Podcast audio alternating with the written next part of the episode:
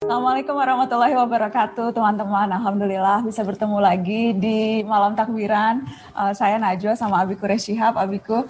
Alhamdulillah. Abi sehat-sehat. Alhamdulillah. Alhamdulillah. Nah juga Alhamdulillah senang sekali kemarin banyak banget yang doain di waktu Nana sakit. Betul. Alhamdulillah sekarang sudah jauh lebih baik teman-teman. Terima kasih banyak atas kiriman doanya. Uh, dan malam ini kita spesial malam takbiran Abiku.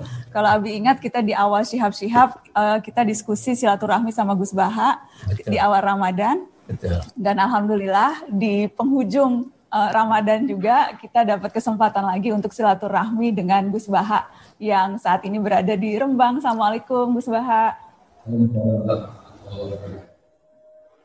Assalamualaikum Gus, bisa dengar suara Nana Gus? Alhamdulillah, sehat-sehat Gus. Ya, Senang banget, alhamdulillah bisa ketemu lagi walaupun jarak jauh. Memang sengaja di awal kita bareng Gus Baha. Insya Allah satu waktu kita berkunjung ke sana. Iya Bia, ya. insya Allah ya, insya Allah kita yang gantian ke sana. Kita yang jelas memang uh, di di sini ya hikmah ya bin suasananya ya. hikmat kemudian memang ya ada ada rasa tentunya ada rasa rindu karena banyak yang memang tidak pulang kampung tidak mudik kita udah dua ya. tahun ya bi ya tidak tidak kumpul acara keluarga dan sebagainya banyak Nana tahu banyak teman-teman juga yang meluapkan rasa sedihnya, rasa kecewa karena tidak bisa pulang kampung tahun ini. Bagaimana ya Bi mengobati rasa kecewa teman-teman Bi? Ya segala ini kan cobaan ya. Ya eh, mungkin untuk mengobati rasa kecewa atau ini itulah salah satu hikmah kita bertakbir Allah Maha Besar. Ya sehingga semua persoalan kalau kita kaitkan dengan Allah, kita kaitkan dengan husnuzan, sangka baik kepada Allah, optimisme, itu semuanya akan menjadi kecil. Hmm. Sebelum kita uh, lanjut lanjut uh, mau menunjukkan video soal tradisi makanan, Wi. Kita di di rumah teman-teman di rumah keluarga Syihab biasanya setiap kali Lebaran kami selalu uh, ada makanan khas, makanan nasi kebuli. Saya mau tunjukkan teman-teman videonya ketika Umi Fatmawati bikin nasi kebuli. Terus nanti ditumis, Naziha. Ditumis, nanti dikasih santan, ya kan? Baru ya kan? iya dimasak semua dicampur nasinya. Ini kan bumbu-bumbunya rempahnya banyak jadi sehat ya kan? Naira nggak puasa? Naira puasa cuman ya biasanya suka lupa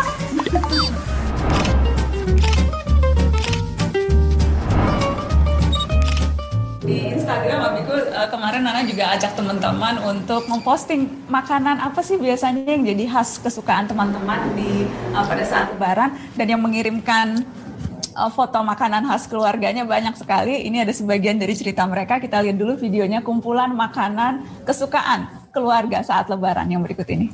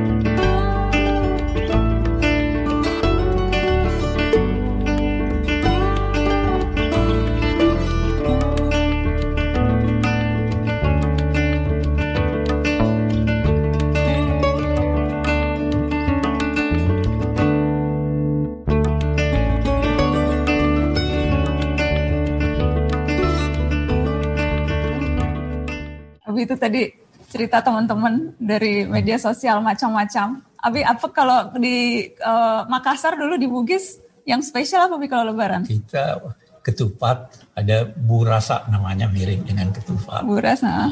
Buras. Eh, ada. Tapi makannya pakai coto kan kalau buras? Iya, tapi eh, bisa juga dimakan dengan ayam ber, eh, di dimasak berwarna hijau. Oh, buka, tapi bukan over itu ya? Eh, ya, lain juga, lain sedikit berbeda. Over kan berwarna coklat kan. Ah, Nah, kuning wi. oh kalau kalau di Makassar hijau. Hijau. Overnya hijau. Apa namanya wi? eh, oh sudah lupa apa namanya. Yang jelas Yang jelas dicari kalau di barang tidak ada. hanya ada pada saat Lebaran. Ba- Banyak hal-hal yang memang merin- di- kita rindukan pada saat Lebaran teman-teman. Abi, uh, sebelum nanti kita uh, mencoba menghubungi Gus Baha lagi, mudah-mudahan insya Allah uh, audionya sudah akan jauh lebih clear. Uh, kita ngobrol-ngobrol dulu Abiku. Tadi Abi cerita soal takbir. Ya. Jadi uh, malam takbiran takbir, kenapa kita bertakbir Abiku di malam Lebaran ini? Eh, yang pertama itu perintah Allah memang secara tegas bahwa setelah setelah sempurna eh, sebulan penuh Ramadan berpuasa hendaklah bertakbir atas hidayat Allah. Hidayat Allah itu ada dua macam. Petunjuk-petunjuknya yang berkaitan dengan puasa dan ajaran-ajaran agama yang lain. Serta petunjuknya yang kedua adalah serta anugerahnya memberikan kita kemampuan untuk melaksanakan puasa dan petunjuk-petunjuknya. Jadi anak, eh, kita eh, mengagungkan Allah, membesarkan Allah. Membesarkan Allah itu diartikan sebagai mengakui kebesaran zatnya. Kebesaran zat itu tercermin dalam dua hal. Yang pertama wujudnya. Wujudnya dia wujud tanpa diwujudkan sesuatu. Apa maksudnya? Eh, kursi ini wujud ada yang membuatnya. Iya, Manusia wujud lahir dari hubungan eh, suami istri. Iya. Ya? Allah wujud bukan dari siapa-siapa. Wujudnya dari zatnya. Hmm. Dan karena itu dia telah wujud sebelum adanya ada. Hmm. Dia telah wujud sebelum adanya tempat dan waktu. Hmm. Itu Allah Maha Besar dari sisi wujudnya ini. Yang kedua, Allah Maha Besar karena dia mewujudkan segala yang ada. Tidak ada yang ada kecuali diwujudkan oleh Allah. Hmm. Nah, jadi nah, kita harus menghayati ini, penghayatan terhadap makna-makna ini menjadikan kita terdorong untuk berusaha meneladani Allah dalam sifat tersebut sesuai dengan kemampuan kita sebagai manusia. Nah, jadi kita berkata Allah Maha Besar. Cobalah berusaha untuk meneladani Allah dalam kebesarannya sehingga nampakkanlah wujud Anda, kehadiran Anda di pentas bumi ini. Hmm. Itu satu. Kemudian eh, berusahalah memberi hidup, memberi wujud kepada selainnya. Nah, dengan membantu. Itu sebabnya dalam konteks eh, Idul Fitri ada zakat fitrah. Ya. Ada orang apa sih artinya itu eh, dua setengah liter beras atau sekian? Itu lambang kesediaan kita memberi hidup pada yang lain.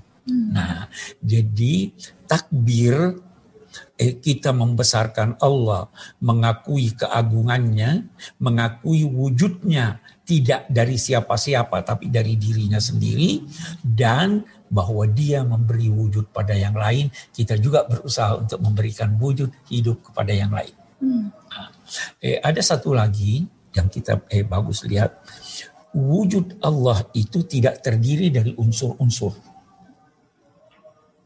semua menyatu. Itu sebabnya dia katakan Qul huwallahu ahad Allahus samad. Samad itu di samping berarti tumpuan harapan, juga dari segi bahasa berarti sesuatu yang padat, tidak memiliki pori-pori atau rongga. Karena itu Allah tidak makan, karena tidak ada. Ya. Karena itu Allah tidak beranak, karena Hmm. tidak ada. Ya, Nah, kita dalam konteks meneladani itu, kita berusaha menyatukan dalam diri kita potensi-potensi dan daya-daya kita. Sehingga tidak terjadi pemisahan antara daya kalbu dan daya fikir.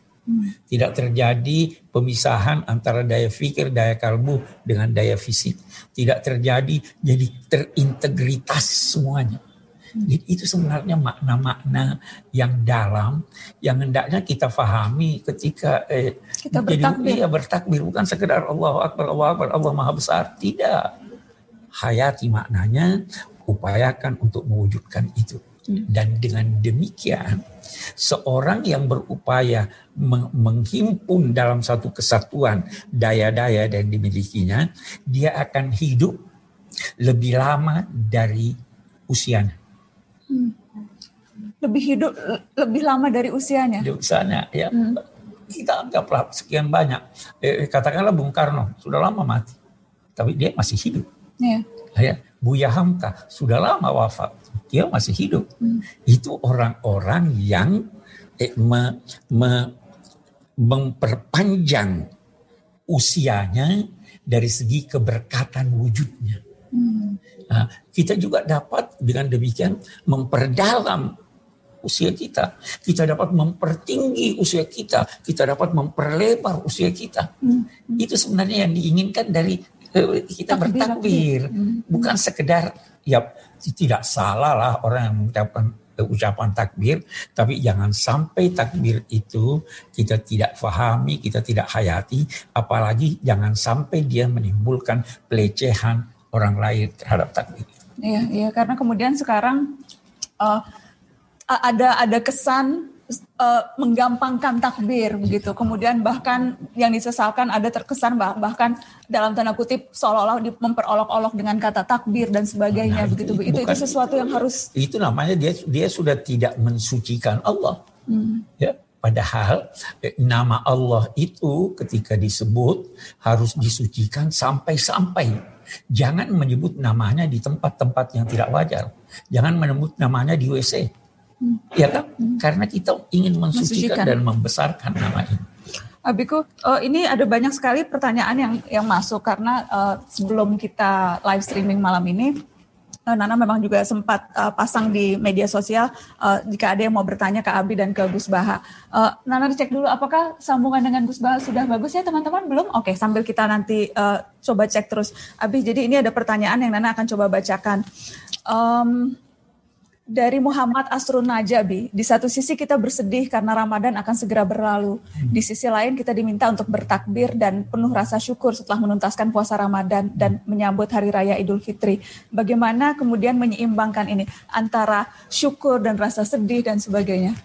Eh, itu yang pertama, eh, rasa gembira hendaknya dapat menutupi rasa sedih Kenapa demikian? Karena kita disuruh bersangka baik pada Allah. Sedih itu karena khawatir jangan sampai tidak ketemu lagi dengan Ramadan yang akan datang. Bersangka baiklah pada Allah. Nah, kemudian eh, kita juga disuruh bersyukur. Bersyukur itu salah satu maknanya me, me, me, me, apa ya, eh, menerima yang sedikit dan menganggap banyak. Kita alhamdulillah sudah dapat hidup sampai sekarang. Saya syukuri ini. Itu insya Allah dengan kesyukuran itu kesedihan akan ini. Karena memang hari raya itu adalah hari raya gembira. Bukan hari raya sedih. Sampai-sampai gembirakanlah orang-orang miskin. Jangan sampai dia minta hari ini. Tidak boleh minta. Jangan minta. Kita kasih dia, sebelum mereka minta. Kita beri dia sebelum mereka minta. Itu karena itu orang lantas pilih Ramadan mengeluarkan zakat, mengeluarkan sedekah dan agama mewajibkan siapa pun yang mendapatkan akhir dari Ramadan dan awal dari Syawal dia sudah wajib berzakat fitrah. Hmm. Kalau bayi orang tuanya wajib mendapat karena dia telah mendapatkan akhir Ramadan jadi kalau orang sekarang katakanlah kalau kita buka jam 6, mm-hmm. seorang lahir jam 5.59 mm-hmm. sampai dia wafat jam 6 satu menit, mm-hmm. itu namanya dia sudah dapat akhir Ramadan dan awal Syawal. Karenanya dia wajib untuk berzakat. Tidak wajib. Oke, okay. um, mm-hmm. ini ada yang bertanya Bi, Irdina Giza, bagaimana ciri atau tanda orang yang berhasil puasa Ramadannya? Um, mungkin salah satu di antaranya bahwa tekadnya untuk memperbaiki diri tidak luntur. Ya toh? Dan eh, dengan adanya tekad itu dia akan eh, terus meningkatkan upaya, eh, tidak kendor. Jadi dia akan terbiasa dengan amalan-amalan baik yang pernah dilakukannya di bulan Ramadan. Pernah ngaji, 10 ayat di bulan Ramadan, lanjutkan itu. Pernah bangun malam, tahajud, lanjutkan itu. Eh, pernah puasa, kalau dapat ya puasa Senin Kamis. Jadi dilanjutkan, kelanjutan itu tanda, salah satu tanda dari keberhasilan. Oke, okay. ini ada lagi. Um, banyak sekali nih yang masuk juga pertanyaan-pertanyaan. Eh, ini dari Reni Bi, namanya Reni Dwi Anggra ini. Izin bertanya, bagaimana konsep penghapusan dosa di hari raya, Abiku? Karena ketika hari raya setelah berpuasa satu bulan penuh, kita sudah disucikan dan kembali fitrah. Apakah lalu apakah dosa yang telah lalu itu betul-betul sudah dihapuskan? Sudah tidak ada lagi pertanggungjawaban di akhirat kelak karena okay. sudah dosa ada dua macam secara garis besar. Eh, ada dosa terhadap Tuhan, ada dosa terhadap manusia atau terhadap makhluk. Dosa terhadap Tuhan, Allah menjanjikan melalui Rasulnya bahwa dia akan hapus semua dosa yang dilakukan terhadap Allah selama yang bersangkutan menyesali dosanya dan atau dia melakukan aneka kebajikan yang aneka kebajikan itu bisa menghapus dosa. Tapi itu dosa antara manusia dengan Allah. Nah, belum suci. Masih ada lagi hubungan dengan sesama manusia. Ya. Nah, dengan sesama manusia ini supaya suci, kita harus menyesali apa yang telah kita perbuat pada orang lain, kita kembalikan haknya kalau ada haknya yang kita miliki dan kita meminta maaf. Kalau dimaafkan, alhamdulillah suci. Kalau tidak, perhitungan di hadapan Allah. Jadi selama ini kultur yang kita lakukan dalam sebuah hadis yang diriwayatkan oleh beberapa ulama, di antaranya Imam Tabrani juga Imam Majah. Di sini disebutkan ketika malam Lailatul Qadar atau malam Idul Fitri kata Allah Taala malaikat menjelaskan kepada guru Allah jadi Allah mengutus malaikat semuanya turun di bumi memberi berita dia bahwa Allah telah ridho kepada mereka. Jadi inti daripada ini banyak ulama mengatakan ini itu dari kata Allah Allah menjadi menjadikan manusia sebagai penghuni surga. Jadi kita tahu bahwa Nabi Adam pernah dari surga.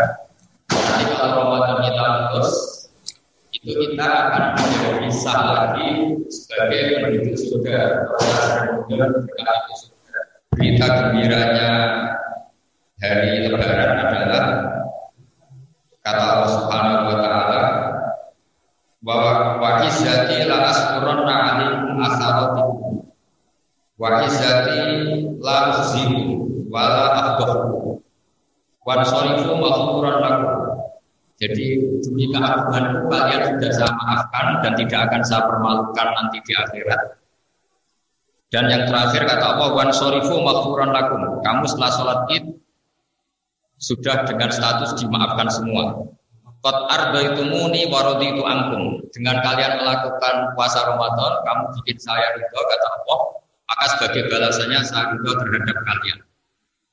Nah kemudian maklumat Allah ini terus disebut Id, hari kemenangan. Karena kita mendapat ridhonya Allah Ta'ala juga menjadi salah lagi masuk surga.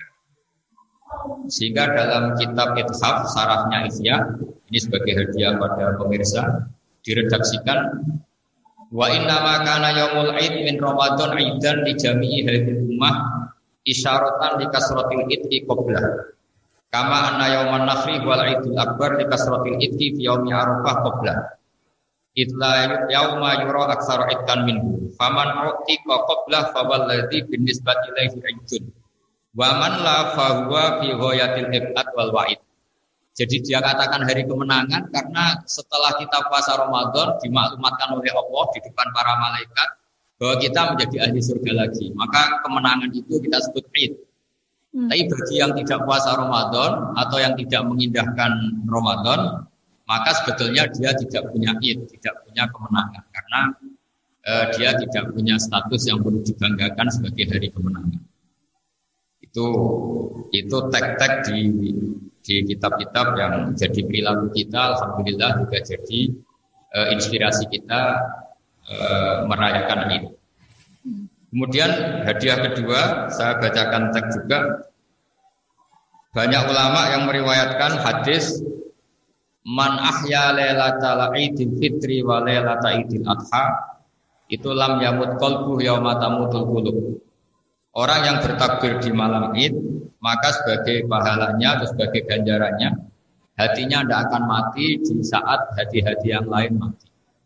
Hanya kita insya Allah dijamin punya hati yang hidup, yang peka, yang rahmatan lil alamin, punya hati yang empati, sebagai hati yang hidup menerima kebenaran itu barokah barokah. Kemudian pertanyaan tadi, apakah ada zaman Rasulullah atau sahabat id di rumah atau id tidak disiarkan? Tentu eh, kalau masalah tareh, masalah sejarah karena dulu tidak mengalami pandemi atau hal-hal yang luar biasa, maka memang id itu dirayakan di jalan, di tempat-tempat publik, di tempat-tempat umum. Tapi saya yakin dalam filosofi hukum Islam uh, ada kaidah la dororo waladiror. Jika sekiranya kita yakin kalau berkerumun itu punya potensi buruk di orang lain, maka di antara ajaran Islam adalah sebaiknya kita semua menjaga itu. Jadi saya mohon semuanya bisa maklumi keadaan ini karena sejatinya id benar-benar hari kemenangan adalah hari di mana Allah memaklumatkan, disaksikan dan dipersaksikan para malaikat. Kita diampuni lagi dan kita dinubatkan lagi sebagai penduduk surga sebagaimana dulu memang kita ahli surga karena Nabi Adam diciptakan di uh, surga.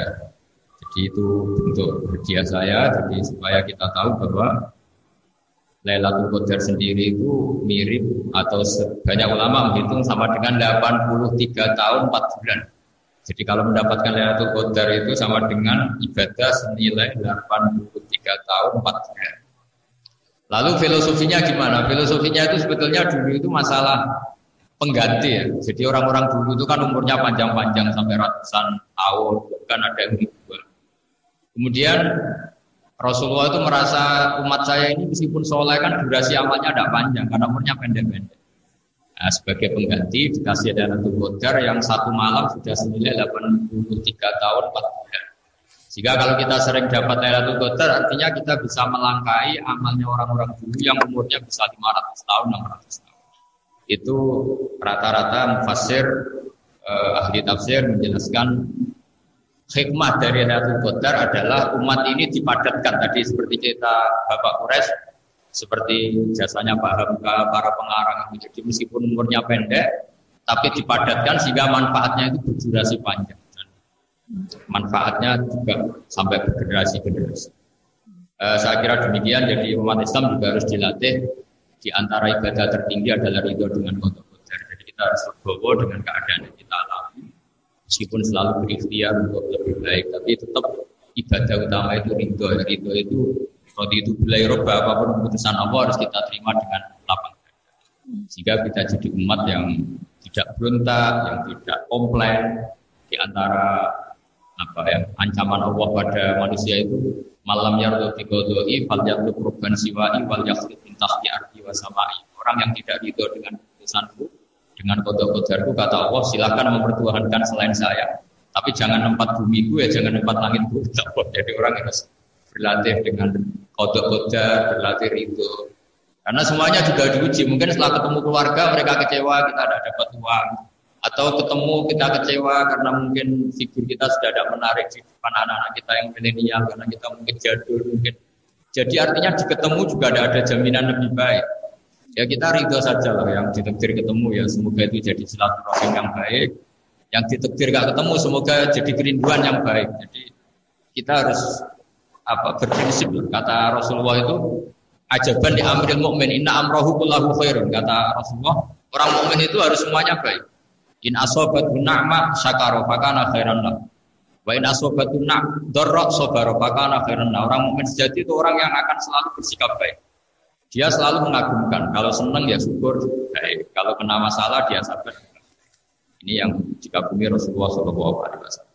Jika kita jadi mukmin yang apa pun keadaannya sebagai mukmin.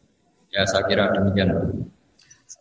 Gus, uh, cara kita belajar menerima ikhlas, ridho, ada tidak uh, apa yang perlu kita tanamkan atau apakah ada amalan-amalan yang bisa kita lakukan sehari-hari yang membuat kita bisa lebih menerima situasi, lebih ikhlas, lebih ridho terhadap apa pun yang sudah digariskan oleh Allah, Gus? Uh, pertama tentu ilmu ya. Jadi kata Imam Ghazali semua itu ilmu. Misalnya begini, saya juga pernah merantau dulu di Jogja, juga pernah agak mudik karena ada hal tertentu itu orang mukmin itu kan ada sekian kebaikan ya. Di antara kebaikan misalnya siapa pun yang mendoakan saudaranya sesama mukmin di tengah malam, maka dia akan dapat pahala demikian demikian. Bahkan di sebagian makalah ulama, mangkola fil yaumi salah samarot atau marham Muhammad kutiba binal abdal. Orang yang tiap hari mendoakan umatnya Rasulullah supaya dapat kasih sayang Allah, supaya keadaan mereka baik-baik saja, itu dia ditulis termasuk wali abdal. Jadi banyak juga ulama yang berpendapat tidak ketemu itu sisi baiknya juga banyak. Imam Sufyan As-Sauri itu gak suka punya teman, dia suka uzlah. Terus ditanya, kenapa kamu suka sendiri? Bukankah kamu mesti kecewa dengan orang yang kamu kenal? Jadi gara-gara kenal kita potensi kecewa. Karena kalau kenal itu kan punya persepsi, punya harapan, terus punya standar. Misalnya kita bertamu di orang, punya versi. Ternyata yang kita tahu ini punya versi yang beda. Jadi kata Asori, kalau kamu ditegur jenis orang yang kuper ya nikmati saja karena awal kecewa orang ya karena kenal. Kita misalnya ngemplang utang ya sama orang yang kenal, kita kecewa ya sama orang yang kenal, mengecewakan juga sama orang yang kenal. Dan uzlah kata Imam Asori ya, itu terbebas dari itu semua. Makanya di antara Obat dari itu ya ilmu. Kata ulama dulu zirfidban tasdadban. Kalau kamu senang seseorang jangan sering ketemu biar tetap rindu, tetap indah. Kalau sering ketemu nanti jenuh. Jadi selalu ada obat dalam Islam. Jadi apa ketemu ya niati silaturahim. Kalau tidak ketemu itu niati potensi keburukan kita ini tidak menimpa orang lain. Hmm. Jadi misalnya saya sedang tidak mood ketemu orang, bawaannya tuh sinis, bawaannya itu nepuk muka misalnya, bawaannya baru nggak fair. Ya sebaiknya di kamar saja karena kalau ketemu orang bawaannya mungkin sinis. Jadi tapi fusyar rokaanin nas, innaha sodakotun mika ala nafsi. Kalau kamu sedang tidak kondisi fit, tidak baik, jangan sering ketemu orang nanti bawaannya sinis. Ya. Tapi kalau sedang baik, silahkan ketemu orang. Jadi sebetulnya dalam Islam itu ketemu ya baik karena itu silaturahim. Nggak ketemu juga baik, mungkin dengan cara itu kita tidak menyakiti orang lain. Dengan cara itu kita tidak mengecewakan orang lain, tidak ganggu orang lain. Saya kira demikian. Harus ada obat ilmu itu di, di kondisi. Gitu ya, jadi ya. Pers perspektifnya yang kemudian harus kita pahami seperti yang tadi Gus Bahar jelaskan. Betul, betul, betul sekali. Oke, okay, alhamdulillah, alhamdulillah.